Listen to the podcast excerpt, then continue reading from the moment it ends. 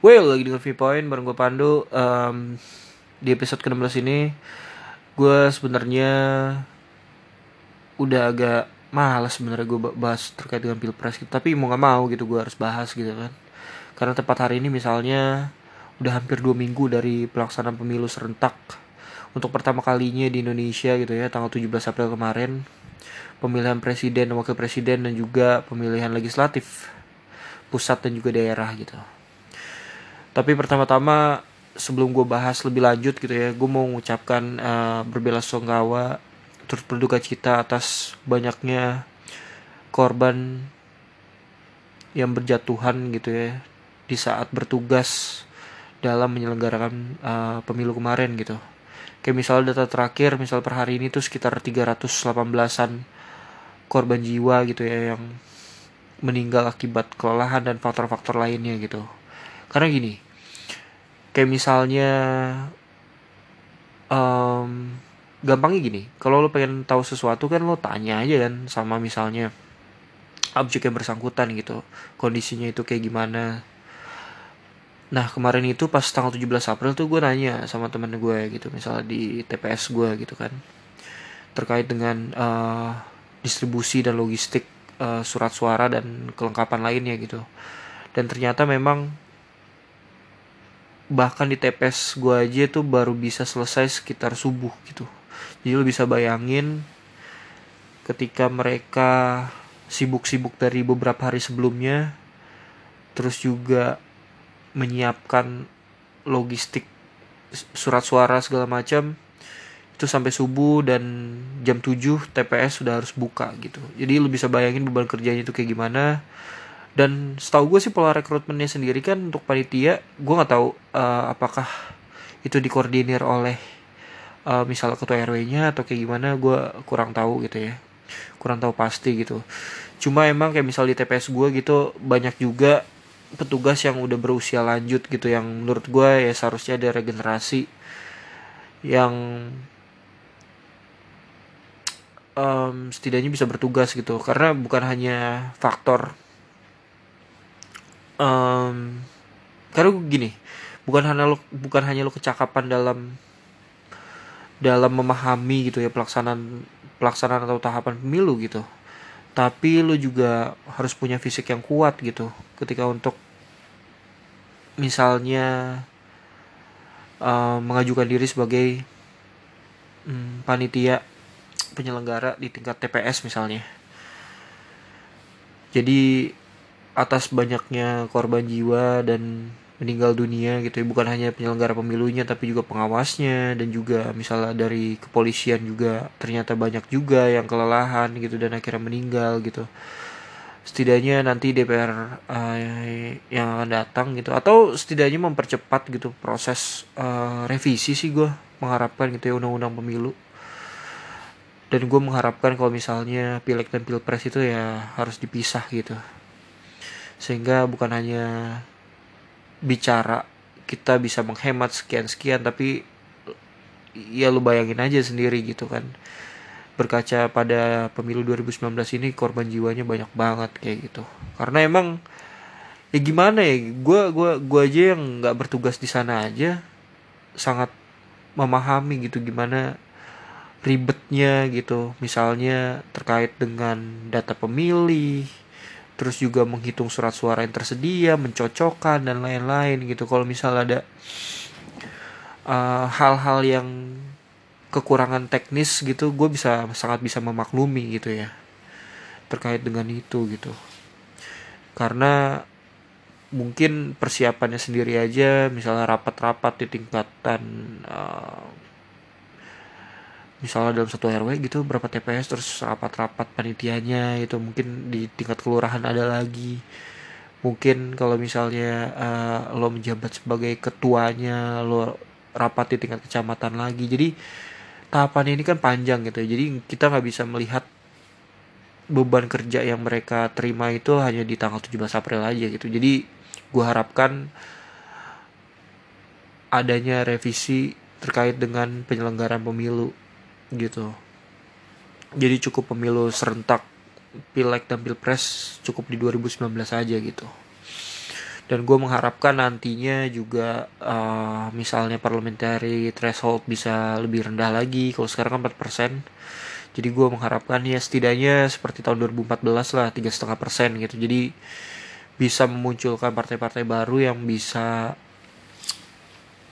meramaikan gitu ya meramaikan. Karena gini emang konsep uh, apa namanya di kepartaian di Indonesia ini kan agak kurang jelas gitu ya. Agak kurang jelas terkait dengan ideologi apa segala macam gitu. Jadi gue masih menganggap semuanya itu ya pragmatis aja gitu. Dalam membaca misalnya uh, politik politik di Indonesia gitu. Simpelnya gini kenapa misalnya gue bisa ngomong kayak gitu gampangnya gini misalnya di tingkatan pusat gitu lo bisa lihat sendiri gitu misalnya yang berkoalisi siapa sih Gerindra, PKS misalnya di kubu 02 Gerindra, PKS, PAN, Demokrat misalnya.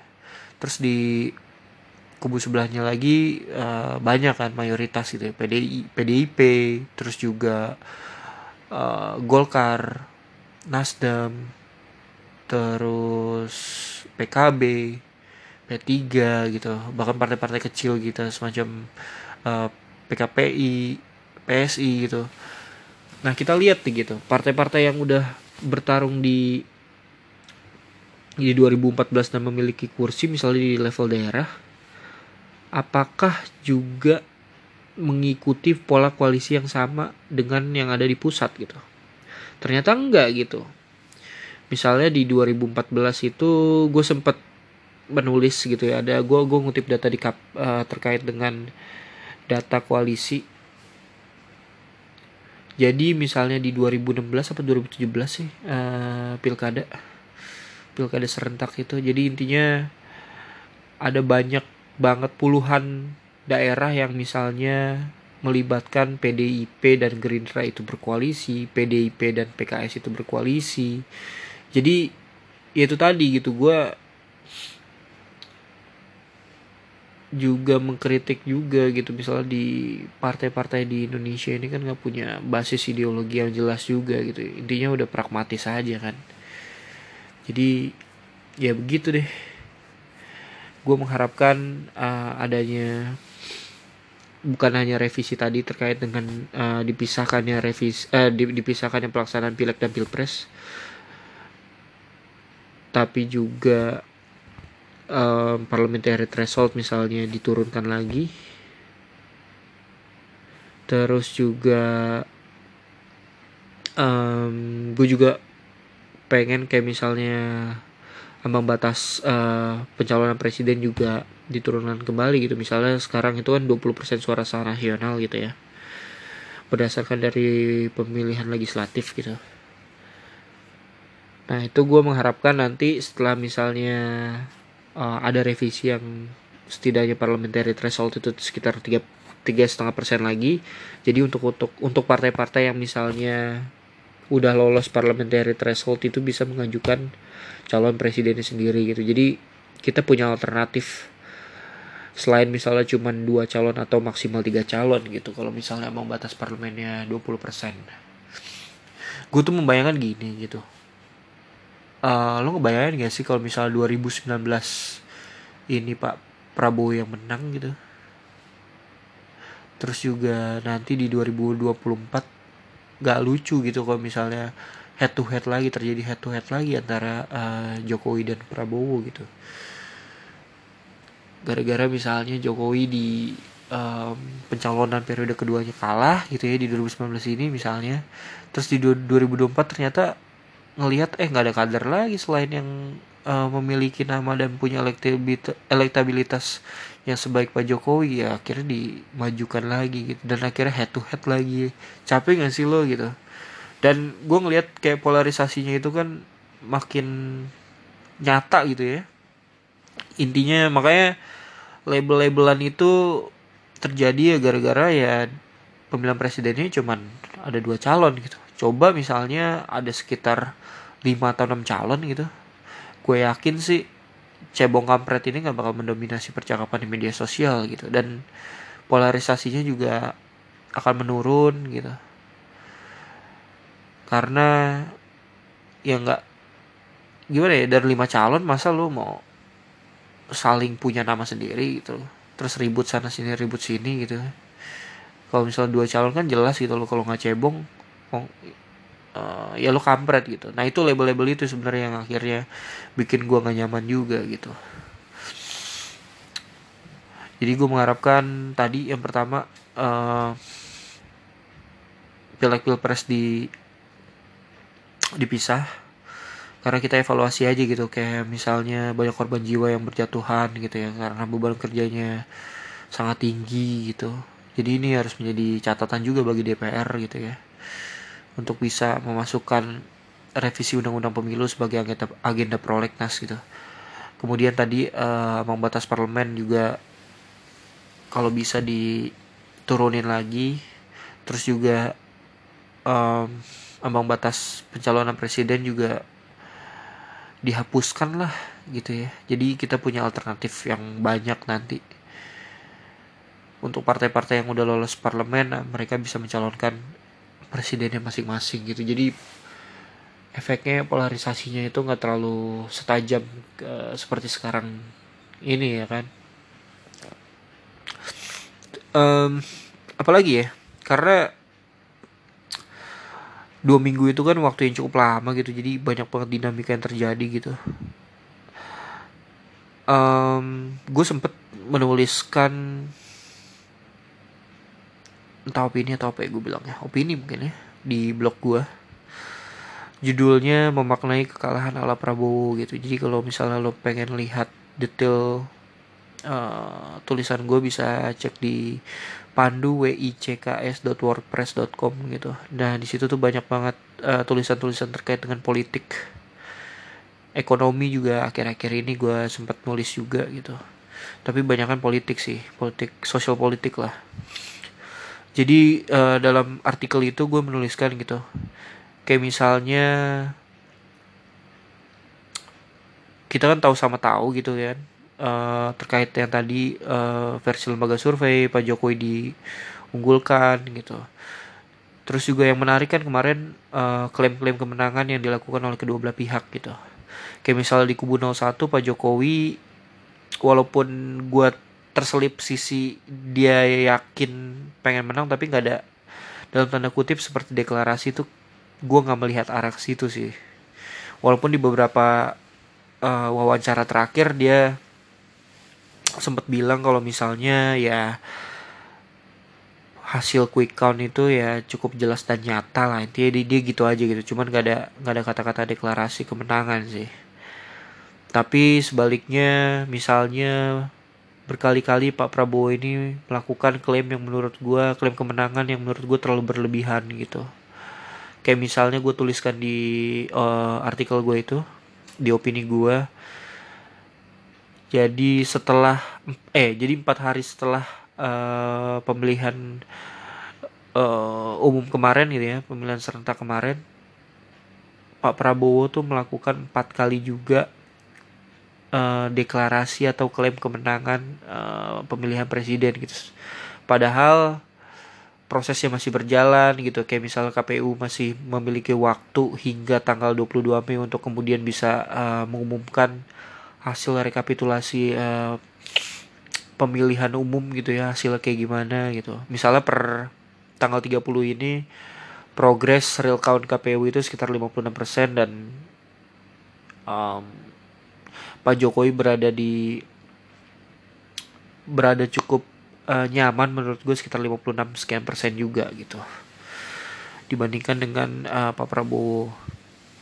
Tapi ya fluktuatif. Tapi kalau gue lihat sih uh, dari as dari real count dirilis pertama juga sebenarnya uh, trennya udah kelihatan gitu. Kalau misalnya uh, ternyata kalau misalnya nanti hasil rekapitulasinya nggak terlalu jauh dengan yang sekarang udah berjalan ya ternyata hasil quick count banyak lembaga survei itu ya hampir mirip lah dengan hasil dari uh, perhitungan uh, real count dari KPU gitu.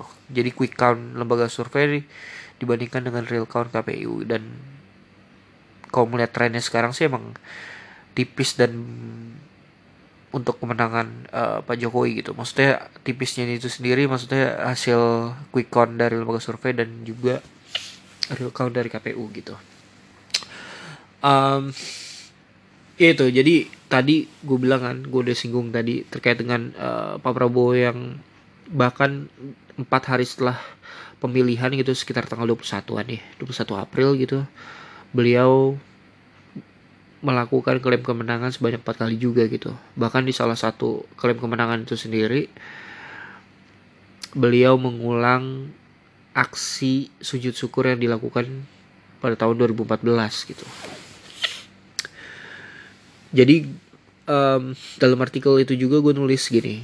Jadi apa sih yang bisa kita maknai gitu dari sikap atau tindakan Pak Prabowo gitu untuk bisa memaknai dalam tanda kutip kekalahan walaupun masih versi uh, quick count ya. Yang pertama bahkan secara keras gitu uh, Prof Hamdi Muluk dari UI bilang kalau misalnya Prabowo mungkin mengalami delusi gitu ya. Delusi adalah suatu kondisi di mana apa yang diyakininya yaitu menjadi kebenaran satu-satunya gitu. Jadi lo mau bicara data, bicara fakta ya gak akan ada artinya gitu. Karena yang lo lihat atau dianggap sebagai kebenaran ya apa yang lo yakini aja gitu. Dan untuk di poin pertama itu gue agak kurang setuju juga gitu. Kayak misalnya gue berkaca juga dengan uh, pemilihan gubernur tahun 2000 2000 berapa sih? 2017 ya antara Anies sama Ahok gitu. Iya 2017. Jadi ketika waktu itu lembaga survei mengeluarkan hasil hitung cepatnya dan mengunggulkan Anies, Pak Prabowo juga melakukan um, semacam deklarasi kemenangan gitu. Tapi kenapa misalnya sekarang di case uh, pemilihan presiden ini hasil hitung cepat mayoritas lembaga survei gitu ya atau mungkin semua lembaga survei tergabung dalam Persepi Persepi itu ada adalah semacam asosiasi untuk para uh, lembaga survei ini. Tapi kenapa misalnya untuk yang case sekarang ini mau mengakui gitu? Padahal di 2017 itu beliau melakukan deklarasi kemenangan berdasarkan hasil hitung cepat gitu. Jadi kalau misal dibilang delusi gue juga nggak nggak yakin gitu tapi ada poin kedua yang menarik juga yang sempat dibahas oleh banyak orang gitu kalau misalnya Pak Prabowo ada upaya dari Pak Prabowo untuk mendelegiti, mendelegitimasi uh, penyelenggara pemilu, pengawas pemilu bahkan nantinya kayak misalnya diumumin oleh KPU siapa pemenangnya ya pemerintahan yang akan datang juga gitu yang berupaya di, uh, apa ya upaya-upaya delegitimasi itu uh, kelihatan dari uh, sikap dan tindakan Pak Prabowo dalam memaknai kekalahan hasil hitung cepat gitu.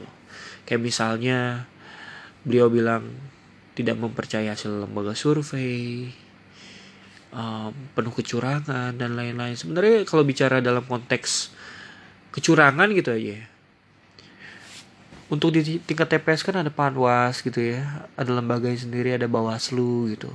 Kayak misalnya kalau KPU dan bawaslu ini misalnya komisionernya gitu atau anggotanya cawe-cawe kan ada DKPP gitu kan.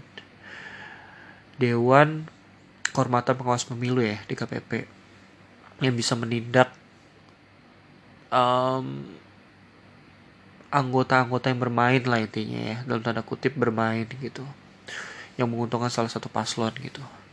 Nah kalau misalnya dianggap juga ternyata oh ditemukan uh, ternyata ditemukan uh, kecurangannya secara masif yang sekiranya misalnya merugikan sampai puluhan juta gitu atau belasan juta gitu ya ada juga gitu langkah selanjutnya yang lo lakukan gugatan ke MK gitu. Walaupun misalnya di 2019 ini kalau gue lihat sih karena angkanya cukup jauh misalnya sekitar 10 9 10 persen gitu ya Pak Prabowo ini kubu 02 akan tetap maju ke MK sih walaupun nanti hasilnya juga menurut gue ya akan percuma juga gitu kalau misalnya lo berkaca selisihnya bisa sampai 10% gitu misalnya nanti uh, hasil real count dari KPU gitu karena kalau bicara kecurangan kayak tadi kesalahan teknis di KPU eh di penyelenggara misalnya di tingkat TPS gitu itu pasti ada gitu. Lu bayangin aja kita tuh jumlah TPS 800 ribu sekian 800 ribu gitu. 800 ribu lebih di seluruh Indonesia gitu. Jadi kalau misalnya tidak ada intrik-intrik atau kesalahan teknis ya bohong aja gitu. Jadi gitu deh um, itu tesis, tesis kedua ya terkait dengan ada upaya untuk mendelegitimasi uh, penyelenggara pemilu, pengawas pemilu dan juga uh, pemerintah yang akan datang gitu ya.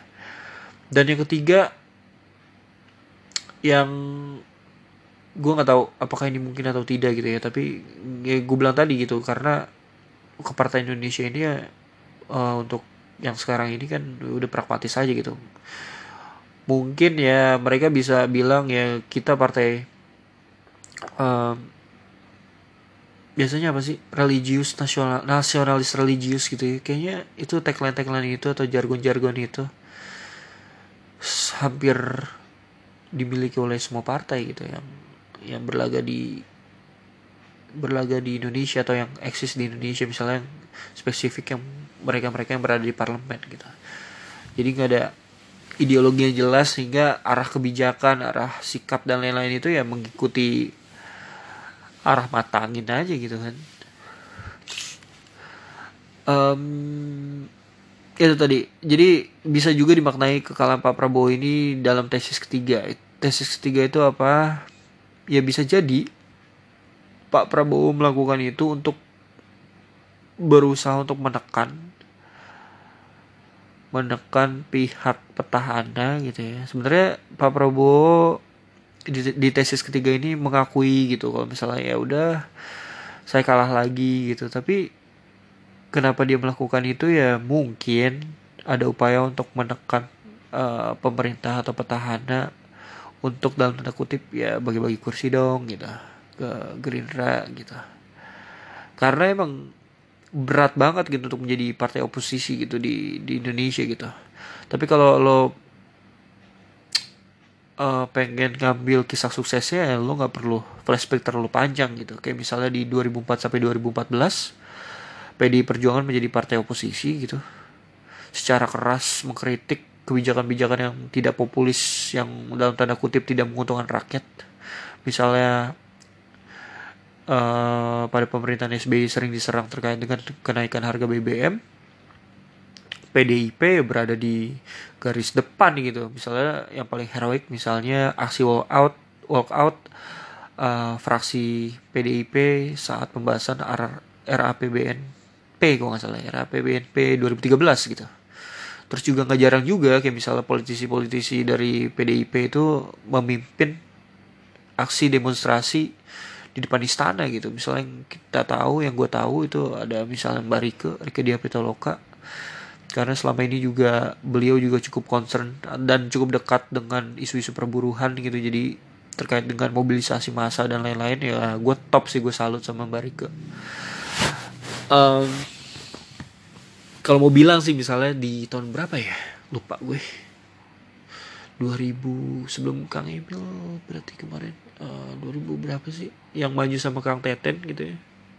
Itu saat itu gue sangat mendukung banget gitu untuk Rike sama Kang Teten ini bisa memimpin Jawa Barat gitu ya. Cuman akhirnya kalah. Akhirnya kalah dari akhir kan? Iya akhir ya. Iya kalah sama akhir gitu. Padahal kalau jadi beh mantep sih. Setidaknya ada harapan lah gitu. Untuk lebih baik saat itu gitu. Di periode itu jadi akan sayang banget kalau misalnya ternyata tesis ketiga itu yang menjadi kebenaran gitu. Kayak misalnya Gerindra akhirnya gabung juga ke partai pendukung pemerintah tapi kelihatan dinamika sekarang sih kayaknya nggak mungkin juga sih gitu. Agak bukan nggak mungkin agak agak berat aja gitu agak berat gitu.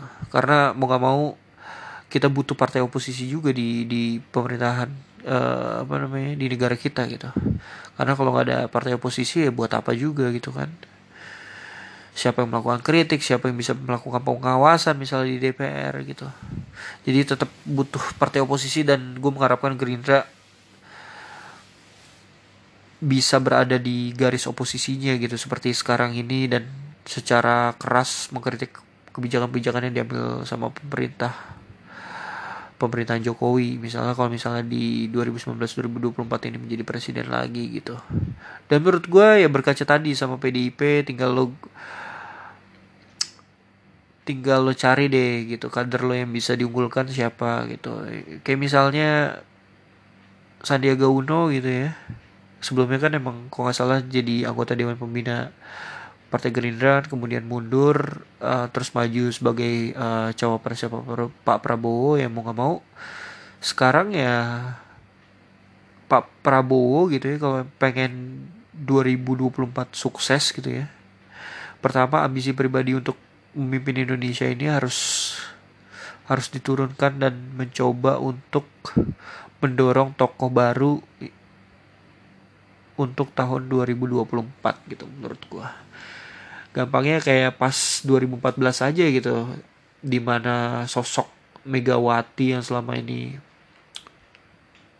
cukup kuat gitu misalnya di PDIP di salah satu partai yang uh, salah satu partai terbesar lah di Indonesia gitu PDIP dan akhirnya lu go untuk bisa mencalonkan Jokowi dan berhasil gitu. Dan kalau misalnya Gerindra pengen adanya reformasi atau uh, perubahan strategi untuk 2024 ya mau nggak mau harus memunculkan tokoh-tokoh baru yang bisa dalam tanda kutip di endorse gitu untuk bisa kemudian um, maju dan cukup kompetitif di 2024 gitu. Siapa yang menyangka kayak misalnya Jokowi di 2014 itu di majukan dan akhirnya menjadi presiden gak ada yang nyangka juga gitu jadi menurut gue uh, tadi sempat mati nih. Sampai mana ya tadi ya? Aduh gue kurang ini juga lagi.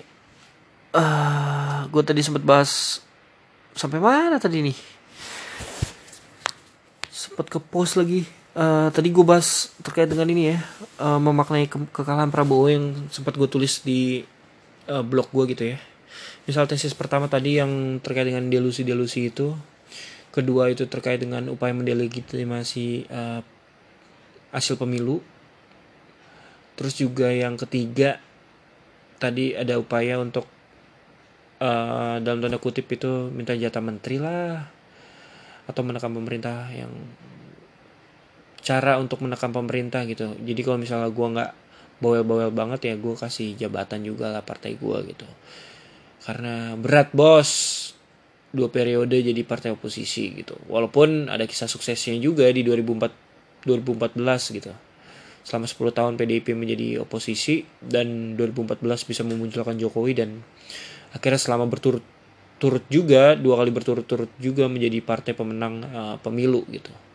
Misalnya di 2019 ini walaupun masih versi hitung cepat tapi dari pergerakan hingga hampir dua minggu setelah uh, pencoblosan atau pemilu kemarin emang trennya PDIP akan menjadi partai pemenang pemilu gitu. Jadi menurut gue tetap di oposisi aja Gerindra ya tetap bawel tetap mengkritik kebijakan-kebijakan yang tidak menguntungkan rakyat gitu. Untuk kemudian akhirnya berupaya mencari strategi kembali untuk bisa setidaknya kompetitif untuk 2024 gitu. Karena bakal seru di 2024 gitu banyak toko-toko bagus.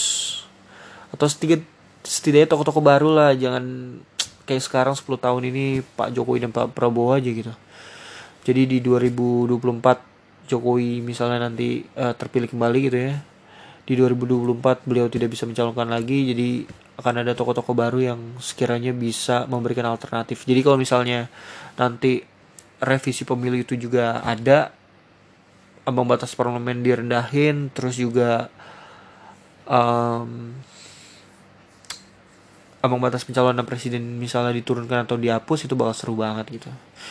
Ya gue mention aja mention aja lah kayak misalnya uh, Sandiaga Uno udah pasti maju lagi uh, AHY terus ada Ganjar Pranowo ada Ridwan Kamil ada Bu Risma ada Emil Dardak ada siapa lagi ya tokoh-tokoh? Ya paling yang paling kuat itulah ada Anies Baswedan gitu. Jadi jadi bakal seru gitu kalau misalnya terjadi uh, perubahan atau revisi undang-undang pemilu yang akhirnya memperlonggar munculnya calon-calon alternatif di 2024 gitu. Dan gue sangat menunggu sih sebenarnya. Ya walaupun kalau kita bicara demokrasi bicara politik itu sendiri kan nggak hanya politik elektoral aja kan yang terjadi lima tahunan gitu tapi sehari-hari pun itu proses politik juga gitu. Ada lobbying ada apa segala macam. Sebagai rakyat ya mau nggak mau kita juga harus 24 jam melakukan pengawasan gitu. Dan mendorong mendorong um, cara terbaik untuk melakukan sesuatu. Misalnya uh, cara terbaik yang bisa dilakukan rakyat untuk berkontribusi terhadap kemajuan demokrasi di Indonesia ya dengan mengkritik menurut gue ya mengkritiknya berbasis data konstruktif dan lain-lain gitu ya. Bukan yang berbasiskan emosional aja gitu. Kayak anjing lo kampret lo apa segala macam. Bukan itu ya gitu. Tapi kritik-kritik yang konstruktif konstruk kritik-kritik yang kita lepaskan nih. Misalnya apa namanya seragam-seragam kita gitu. Misalnya oh nanti yang menang misalnya entah Pak Jokowi atau Prabowo Pak, Pak, Pak Prabowo berdasarkan hasil real count dari KPU ya kita tanggalkan itu ya kan? Stempel-stempel atau apa gitu ya. Even kayak misalnya gue milih yang kemarin 01 atau 02 ya mau nggak mau siapa pun itu apakah nanti jagoan gue yang akan menang gitu ya? Ya cara terbaik gue ya mengkritik mengkritik uh, presiden gitu. Presiden yang nanti akan memimpin gitu. Dengan segala macam perangkat yang ada juga gitu. Gue bakal kritik gitu. Walaupun yang menang adalah jagoan gue gitu. Ya mau gak mau gitu. Itu cara terbaik untuk mengelola atau merawat demokrasi kita gitu. Kalau nggak ada peran dari masyarakat sipilnya yang akhirnya mengekor aja membebek aja gitu ya seperti mengkultuskan uh, presidennya ya demokrasi kita ya akan di sini-sini aja gitu. Jadi itu tadi gue udah sempat bahas terkait dengan revisi harus ada revisi undang-undang pemilu terus juga uh, dinamika kemarin. Lembaga survei misalnya yang menguntungkan Pak Jokowi yang mengunggulkan Pak Jokowi terus juga tadi poin ketiga itu uh, sedikit analisis kenapa Pak Prabowo cukup berlebihan dalam melakukan klaim kemenangan yang cukup banyak itu gitu. Jadi gue nggak memantau lagi gitu setelah empat kali melakukan klaim kemenangan gue nggak nggak mantau lagi gitu apakah beliau udah melakukan serangkaian aksi tambahan lagi gitu pidato-pidato tambahan yang kemudian mengklaim kalau beliau um, menjadi presiden wakil presiden beda sih antara optimis sama sama realistis gitu ya. Kalau gue lihat si uh, Sandiaga Uno misalnya Bang Sandi ya udahlah gitu. Bahkan di beberapa kali pidatonya juga nggak hadir gitu kan. Walaupun dengan alasan yang menurut gue cukup kocak juga gitu cegukan gitu. Tapi menurut gue karena uh, apa yang dilakukan Sandi kan itu udah bangun uh, social capital yang perlu dirawat gitu ya kalau misalnya ada aksi-aksi blunder yang kemudian bisa mempengaruhi pencalonan beliau di 2024 ya uh, Bang Sandi juga berpikir ke arah sana gitu daripada gue mendelegitimasi diri gue sendiri gitu. Setelah gue melakukan perjalanan berbulan-bulan gara-gara cuman statement satu atau dua kali ya walaupun masyarakat Indonesia kan masyarakat yang cukup pemaaf pelupa gitu ya tapi setidaknya sosial kapital yang udah dibangun selama berbulan-bulan ini kan harus diakumulasi dengan baik juga di 2024 nanti gitu oleh Bang Sandi. Jadi kalau misalnya ada upaya yang aneh-aneh ya setidaknya udah gue mundur aja lah gitu. Biar Pak Prabowo aja lah yang melakukan itu. Kalau gue lihat sih kayak gitu sih. Terus yang poin keempat gue pengen ngebahas sedikit terkait dengan partai-partai yang bakal lolos yang sekiranya lolos versi hitung cepat. Um, yang menarik adalah um, PSI udah menyatakan kalau misalnya mereka gagal untuk masuk ke parlemen gitu. Karena uh, misalnya hasil hitung cepat eh hitung ya hasil hitung cepat cuma prediksi PSI berada di range sekitar 1,9 atau 2 persenan aja gitu jadi gapnya masih cukup lumayan gitu untuk bisa masuk atau lolos uh, nanti real countnya. Uh, real count KPU sekitar 4, sekitar 4 persen gitu. Tapi menurut gue ya apa yang dilakukan KPU eh apa yang dilakukan PSI ini menjadi catatan menarik juga gitu. Karena kalau gue pengen jujur kemarin gue juga nyoblos PSI gitu. Nyoblos PSI misalnya di untuk DPR gue milih Jurgen gitu ya. Walaupun base nya Jurgen ini di Depok tapi dapilnya masuk kota Bekasi sama kota Depok ya akhirnya gue pilih aja gitu. Karena gue berpikir uh, untuk partai-partai yang memiliki partai-partai baru dan gue anggap memiliki warna ya seharusnya kita kasih kesempatan gitu. Walaupun akhirnya kalah juga gitu. Gagal juga untuk uh, masuk ke parlemen gitu. Tapi dengan apa yang udah diperjuangkan dan walaupun banyak juga yang menurut gue aduh nih kenapa sih? gitu ya. Kayak bahkan panggilan brosisnya ini udah cukup mengganggu gue gitu. Tapi banyak juga langkah-langkah yang cukup berani yang cukup signifikan juga yang akhirnya mewarnai 8 bulan kampanye gitu. Jadi menurut gue itu menjadi bekal juga bagi uh, PSI di 2024 gitu. Dan gue mengharapkan untuk uh, mereka yang lolos di DPRD gitu ya. Karena kan kalau bicara parliamentary threshold kan itu cuma ada di parlemen pusat aja gitu. Jadi kalau misalnya di daerah uh, perhitungannya berdasarkan gue lupa apa ya. Uh, satu kursi itu sekian suara lah intinya dan setiap daerah itu beda-beda gitu. Dan kayak misalnya di DKI gitu PSI itu diprediksi sekitar 10 dapat 10 kursi gitu di mana juga bisa membentuk uh, fraksi dan gue mengharapkan juga untuk ya kita lihat aja nanti 2024 kalau misalnya ternyata PSI konsisten dengan apa yang uh, anggota-anggota di daerahnya yang konsisten dengan apa nilai-nilai yang dibawa sama PSI ya setidaknya di 2024 akan lebih mudah untuk melakukan kampanye ke konstituen gitu karena ya gampangnya gini ya kalau di daerah aja berhasil gimana nanti di pusat gitu. Jadi bahasa kampanye akan lebih mudah gitu. Dan gue mengharapkan ya konsistensi terhadap nilai-nilai yang udah di uh, diiklankan gitu ditampilkan kepada publik gitu. Kan lumayan gitu misalnya banyak juga di daerah yang PSI lolos ya akhirnya masyarakat tahu oh ada PSI ada PSI gitu. Karena kan kita lihat demografinya sendiri kan mendukung PSI kan berada di perkotaan urban gitu ya. Bahkan di beberapa negara yang mendominasi gitu hampir mayoritas uh, eh, TPS yang ada di luar negeri didominasi, didominasi oleh PSI dan uh, eh, PDIP gitu. Dan orang-orang di luar ini kan mereka yang cukup terdidik mereka yang cukup uh, aware sama media sosial gitu. Jadi di pasar itu lo oke okay, lo udah menang gitu tapi lo di grassrootsnya harus dimainin lagi untuk 2024 gitu. Dan dari partai-partai yang ada kemarin kan gak ada yang lolos tuh ya partai-partai baru yang bertarung Perindo, Garuda, Berkarya dan PSI apalagi ya yang gak ada.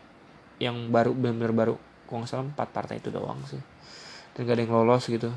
Hanura juga nggak lolos uh, ah, PBB nggak lolos gitu yang yang gue cukup uh, cukup kaget juga dan oh ternyata masih lolos gitu ya P3 sih. Karena uh, quick count misalnya sekitar 4,9 4, ya sekitar 5 persenan gitu dan 5 persen. Dan dan kalau kita ngacu atau menganggap kalau misalnya hitung cepat nanti sesuai dengan nggak beda jauh dengan real count ya artinya P3 bisa um, selamat dari jurang gitu ya karena sebelumnya kan ketua umumnya tangkap KPK gitu kan. OTT KPK gitu. Terus partai-partai lain yang akhirnya bisa uh, cukup signifikan ya pertumbuhannya um, kemarin tuh apa ya? PKS PKS tinggi PKB tinggi. PKB sih iya PKB tinggi karena diuntungkan dengan Pak Jokowinya nomornya 01 dan PKB dapat nomor 01 jadi dari sisi kampanye akan lebih mudah gitu menyampaikan kepada publik gitu. Jadi itu. Um, apa lagi yang cukup PKS gue pikir PKS itu bakal setidaknya menurun atau jatuh. Ternyata nggak juga gitu. Dan yang menariknya lagi ya di Aceh sih karena kemarin eh per hari ini juga gue tadi sempat ngecek uh, di situngnya KPU gitu ya penghitungan real countnya dari KPU kalau misal di Aceh Pak Jokowi cuma dapat sekitar di bawah di bawah 10 persen nggak salah. Jadi mayoritas dikuasai oleh uh, kubu 02 gitu oleh Pak Prabowo dan Bang Sandi gitu. Tapi yang uniknya adalah berdasarkan update dari salah satu wawancara kader PSI kalau nggak salah ya. Rene Ernest sampai di asumsi apa di mana ya? Di asumsi kalau nggak salah. Bilang kalau yang mengagetkan di Aceh ternyata peringkat kedua apa ya PSI dan ini menjadi temuan yang sangat menarik sih gitu ya. Ketika misalnya lo tidak memilih Pak Jokowi tapi PSI bisa bisa mendominasi di sana dalam tanda kutip gitu ya bisa mendominasi gitu. Dan perlu kajian lebih dalam sih terkait dengan itu gitu. Misalnya siapa yang akhirnya memilih demografinya itu kayak gimana gitu dan dan alasan apa gitu ketika lo memilih Prabowo dan partainya tapi lo milih PSI gitu. Yang notabene adalah uh, partai pendukung Pak Jokowi gitu.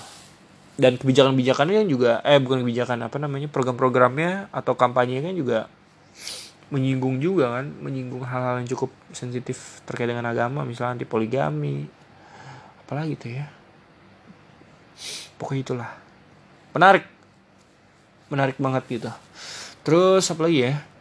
Ya PDIP di seltung cepat tuh sekitar 19, sekian persen dan ya kalau berkaca pada survei-survei sebelum pemilu kan PDIP diprediksi sampai 20 sekian persen gitu. Tapi kalau gue sih menganggap banyak juga terjadi irisan mendukung PSI dan PDIP gitu.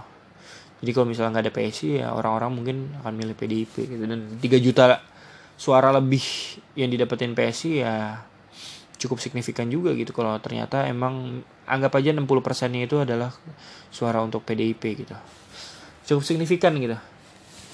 Um, terus apa lagi ya oh ya uh, tinggal partisipasi pemilih itu sekitar 80 persen tapi karena ini pilpres sama pileg jadi kita bisa bedain gitu. Ternyata hasil temuan dari lembaga-lembaga survei gitu ya partisipasi pemilih di kita itu sekitar 80% untuk pilpres dan untuk uh, pileknya bahkan 70-an persen atau 60 persen ya 70 persen gitu. Jadi ada gap gitu. Atau ya mungkin ke gara-gara ya udah gue tahu uh, pilpresnya aja gitu untuk pileknya karena terlalu banyak kertas suara. Daripada gue salah nyoblos ya udah gue dimin aja gitu. Nggak gue pilih siapa pun gitu. Ya bisa jadi.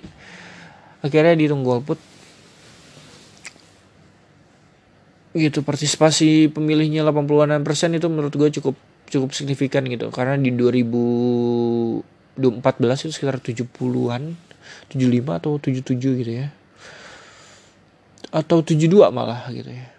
Ini tanpa menganggap uh, pemilihan yang ada di Orde Baru ya karena Orde Baru itu kan angka partisipasi partisipasi itu sekitar 90 persen gitu. Karena saat itu kan cukup re represif gitu dan mobilisasinya itu kuat banget gitu kan. Nah untuk pemilu secara langsung gitu demokrasi langsung ini ya cukup cukup bagus gitu angka sekitar 80 80 persen partisipasi politiknya gitu. Um, apalagi ya fakta-fakta menarik kemarin. Um, praktis sih sebenarnya dua minggu dua minggu setelah pencoblosan pembahasan terkait dengan di Twitter udah agak mereda gitu ya udah agak mereda dibantu dengan misalnya topik-topik terkait dengan Avengers Endgame gitu ya. Itu itu lo jangan jangan sepelein gitu loh. Karena itu mengubah jalur percakapan banget gitu. Endgame dan juga apa lagi sekarang yang lagi ini? Game of Thrones. Terus ada NBA playoff ada semifinal. Jadi orang kembali ke udah mulai kembali ke asalnya gitu ya. Di mana bahas ceng-cengan klub bola gitu. Um, terus banyak yang bahas yang receh-receh dan tidak menghubungkan ke pilpres gitu. Oh yang malah rame ya sekarang ya terkait dengan banjir ya. Banjir ibu kota. Topiknya lagi menarik juga gitu. Terus juga per hari ini misalnya di mana podcast ini di take gitu ya ada wacana terkait dengan pemindahan ibu kota. Dan menarik sih gue pengen explore lebih lanjut. Dan kalau nanti data udah oke okay gitu nanti gue bakal ngomongin di podcast ini gitu. Um, jadi selama 20 sampai 22 Mei kita tinggal tunggu aja gitu. Kalau misalnya dinamika terkait dengan pemilu ini kan wajar juga gitu kan. Ketika misalnya yang kalah merasa dicurangi atau apa dan menurut gue itu wajar aja gitu. Walaupun ya lo kalau emang ngerasa kayak gitu ya banyak ada lembaga-lembaga juga yang bisa bergerak ke untuk bisa bertindak di sana gitu. Kalau misalnya lo menganggap kecurangan itu sistematis masif dan uh, terstruktur ya. Ya lo ajuin aja ke MK gitu. Gue prediksi sih sampai MK sih walaupun nanti juga nggak terlalu signifikan juga kalau kita berkaca pada hasil hitung cepat. Kalau misalnya Pak Jokowi ternyata memimpin kembali jadi nanti um, gue mengharapkan uh, gue nanti bikin edisi khusus lah. Maksudnya uh, episode khusus yang ngebahas um, mana aja menteri-menteri yang perlu di reshuffle mana menteri-menteri yang perlu dipertahankan dan mana menteri-menteri yang nih kayaknya main aman-aman aja nih gitu ya. Dan gue mengharapkan kalau misalnya nanti Pak Jokowi menjabat kembali ya karena lo nggak memikirkan di 2024 bakal maju lagi ya lo harus bisa total gitu bahkan mungkin mengambil kebijakan-kebijakan yang tidak terlalu populis gitu tidak terlalu populis tapi menguntungkan nanti ke depannya bagi rakyat Indonesia gitu. Karena gue pengen ngelihat gitu kayak misalnya di 2014 2019 ini kan agendanya terkait dengan pengembangan infrastruktur ya. Di 2019 sampai 2024 kan terkait dengan SDM gitu. Nah gue pengen lihat roadmapnya itu kayak gimana untuk pengembangan SDM gitu. Apakah bicara cuman revolusi industri 4.0 atau bicara tentang pengembangan startup atau mengembangkan backcraft yang kemudian misalnya dijadikan kementerian sendiri atau apa gitu nanti. Atau misalnya pengembangan vokasi dan mengembangkan uh, apa namanya menambah anggaran riset atau apa gitu. Gue gue belum belum belum explore lebih lanjut sih terkait dengan agenda pengembangan SDM yang akan dilakukan oleh Pak Jokowi di 2019-2024 jadi um, sebagai gue mengharapkan itu tadi pemilu 2019 ini harus dijadikan evaluasi untuk semua pihak yang terlibat gitu dan lagi-lagi gue harus mengucapkan uh, turut berbela sungkawa terhadap korban yang berjatuhan di saat bertugas. Ya ada yang mengawal ada yang melakukan penyelenggaraan uh, pemilu di tingkat TPS misalnya di tingkat lokal gitu ya. Panitia lokal atau mungkin di pusat dan juga kepada kepolisian juga yang melakukan peng pengamanan gitu selama jalan jalannya pemilu gitu. Dan gue bisa bilang ya lo nggak tahu men gue gak harus aja gitu banyak banget yang meninggal akibat politik elektoral ini gitu. Dan yang terakhir sih update terakhir uh, eh, KPU gue nggak tahu nanti anggarannya dari mana. Uh, Budiman udah bilang kalau misalnya akan diberikan santunan bagi yang meninggal bagi yang terluka gitu. Jadi ya emang negara itu nggak bisa tutup mata gitu. Karena carut marutnya DPT mulai dari carut marutnya DPT kasus uh, terus apa ya terkait dengan uh, kesulitan logistik distribusi. Jadi banyak banyak hal lah gitu. Dan gue sangat respect dengan mereka yang bertugas. Seriously man gue sangat respect bagi mereka yang bertugas dalam penyelenggaraan pemilu gitu. Jadi kalau misalnya nanti presiden yang akan datang itu nggak memaknai itu sebagai beban yang harus dibawa gitu. Karena rakyatnya aja ini mau lo turun tangan untuk menyelenggarakan pemilu. Tapi ketika misalnya lo udah kepilih kok nggak mikirin kita lagi nah itu bajingan sih. Misalnya kayak gitu ya. Jadi gue mengharapkan misalnya nanti Pak Jokowi memerintah kembali gue mengharapkan bisa total gitu dan nggak memikirkan 2024 nanti karena nggak mikirin 2024 nanti gitu kan. Jadi bisa total kebijakan-kebijakan yang sekiranya non populis tapi menguntungkan rakyat dalam jangka wa uh, jangka waktu yang lebih panjang ya why not gitu untuk dilakukan gitu. Jadi peran masyarakat peran kita terus melakukan pengawasan dan menurut gue harus menanggalkan label-label yang mengganggu selama uh, event lima tahunan ini gitu. Tadi gue udah bilang terkait dengan uh, revisi undang-undang pemilu dan ada satu lagi gitu terkait dengan pelaksanaan kampanye yang terlalu lama menurut gue. Karena jelas gitu bagi pemerintah, bagi petahana yang masih ada jatah satu periode lagi fokusnya itu udah nggak jelas gitu gua gua harus akui itu gitu kayak misalnya mulai dari September 2018 sampai April energi yang terkuras itu cukup banyak banget gitu. Jadi gue mengharapkan juga ada revisi di sana gitu.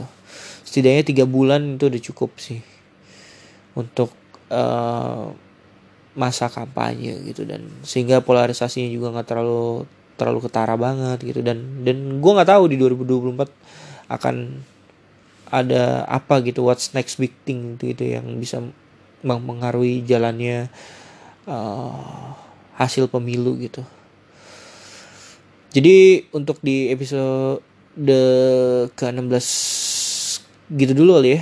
Segitu dulu. Ya kita tinggal tunggu nanti aja gitu untuk di tanggal 22 Mei. Paling lambat kan KPU akan umumkan siapa presiden dan wakil presidennya. Kita harus dukung, kita juga harus kritis dan gua nggak mau tuh gue gue karena gue bilang gini di artikel gue yang terakhir sebagai kata penutup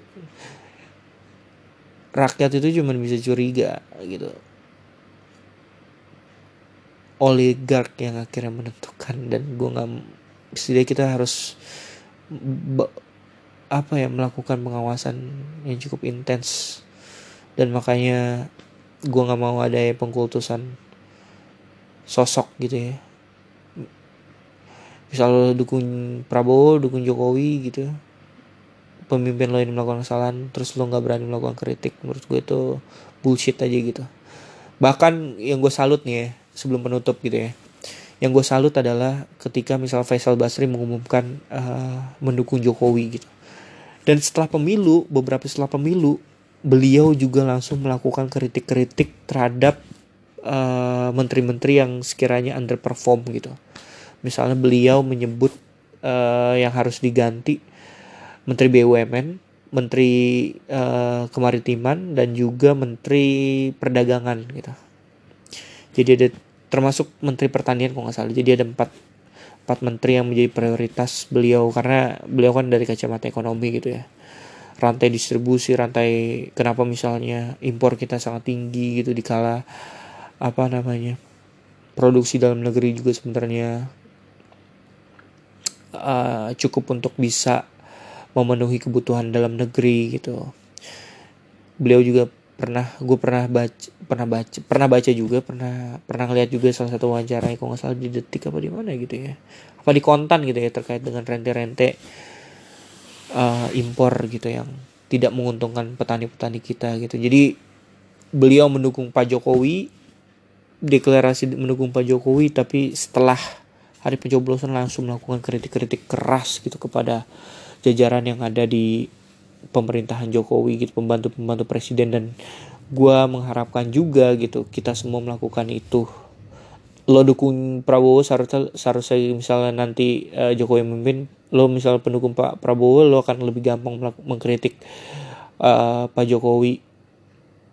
Dan pendukungnya Pak Jokowi ya lo jangan jadi fanboy lah ya kritik kritik aja men. Kita harus dorong nih. Selama ini menteri-menteri yang sekiranya cuma jadi benalu tuh siapa aja. Oke okay, buat episode ini. Bye bye